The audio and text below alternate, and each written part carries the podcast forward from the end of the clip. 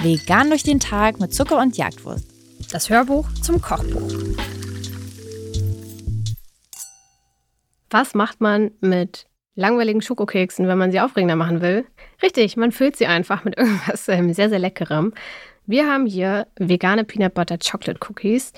Also eigentlich ein recht simpler Schokoladenkeksteig. Wir haben sie aber gefüllt mit einer kleinen salzigen ähm, Erdnussbutterfüllung, die nach dem Backen noch flüssig hinausläuft. Damit ist es ein ganz herrliches Rezept für ein tolles Foto, wie ihr sehen könnt auf der rechten Seite. Es ist wirklich eines der, meiner Lieblingsfotos. Ja? Hm.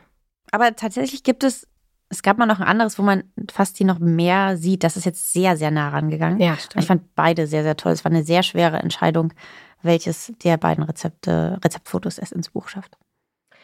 Absolut richtig. Aber ähm, wenn ihr auf die Kombination süß-salzig steht, dann sind diese Kekse ganz perfekt für euch. Und wenn ihr besonders faul seid, dann lasst ihr einfach die Füllung weg und habt Schokokekse. ähm, richtig klasse. Ähm, auch die Zutatenliste ist eigentlich relativ simpel. Man muss aber trotzdem sagen, finde ich, die Zubereitung ist schon ein bisschen aufwendiger, da man natürlich ähm, einen, also, ne, zwei Sachen vorbereiten muss. Man muss die Füllung vorbereiten, man muss den Keksteig vorbereiten dann kommt, also im Endeffekt rollt man ja beides so ein bisschen als Kugeln. Es steht auch im Rezept, wie ihr es macht. Also ihr habt am Ende eine Schokoladenteigkugel und ihr habt am Ende eine kleine Erdnusskugel. Und dann steckt ihr die kleine Erdnusskugel in die große Schokoladenkugel und backt das Ganze. Ähm, und das dauert natürlich ein bisschen, denn wir müssen das zwischendrin im Kühlschrank lagern, damit sich aus beiden Massen Kugeln formen lassen. Also ja, es ist ein bisschen aufwendiger.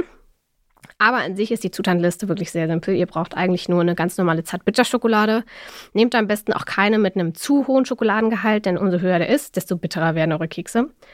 Ähm, ihr braucht eine ganz normale vegane Butter. Auch hier meinen wir wieder wirklich die schnittfeste Butter. Also keine Margarine, die man ganz easy verstreichen kann, weil dann wird der Teig zu weich.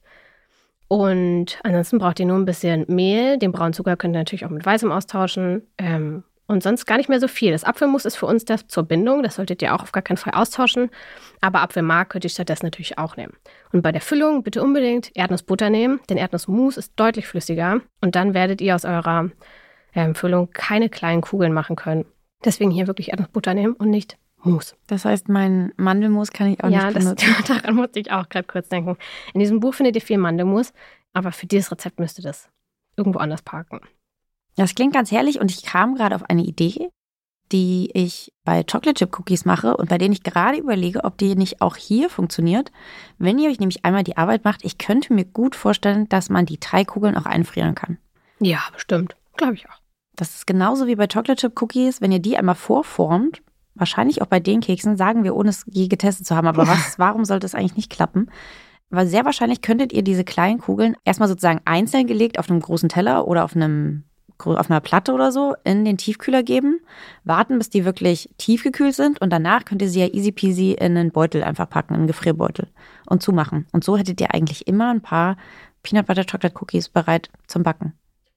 Ja, auf jeden Fall. Vielleicht würde ich sie sogar schon füllen. Also vielleicht würde ich sogar so, schon die genau, Erdnusskugel genau, reinmachen. Ja, Ach, ich toll. meinte auch die gefüllten ah, ja. Genau. Ja. Also wirklich schon Ja. im Prinzip an dem Punkt, an dem ihr sie sonst aufs Blech legen würdet, Schiebt ihr sie einfach in die schiebt ihr sie einfach in. Fertig. den Ofen der Kälte. Ja. Und dann habt ihr sie für immer. Dann müsst ihr nicht immer ähm, die Wartezeit überbrücken. Apropos Chocolate Chip Cookies, auch hier haben wir es übrigens so gemacht, dass ihr die Kekse als Kugeln sozusagen backt. Also äh, ihr backt die sozusagen als Kugeln, dann kommen sie raus und sehen immer noch so ein bisschen kugelig aus, auch wenn sie ein bisschen verlaufen sind. Und erst nach dem Backen drücken wir die sozusagen mit dem Pfannenwender oder was auch immer ihr zu Hause habt, platt. Das hat so ein bisschen den Vorteil, dass ähm, nicht so viel Fläche auf dem Backblech liegt und damit auch nicht so viel Teig knusprig werden kann. Und so bleiben die Kekse deutlich weicher, werden aber trotzdem durch. Deswegen backt die als Kugeln. Das fühlt sich vielleicht am Anfang komisch an, aber am Ende drückt ihr sie platt und dann sehen sie wirklich aus wie Kekse und dann ist auch alles gut. Und so schmecken sie uns ein bisschen besser, weil sie wirklich ganz hellig weich bleiben. So, jetzt haben wir aber viel gequasselt. Ran an die Kekse.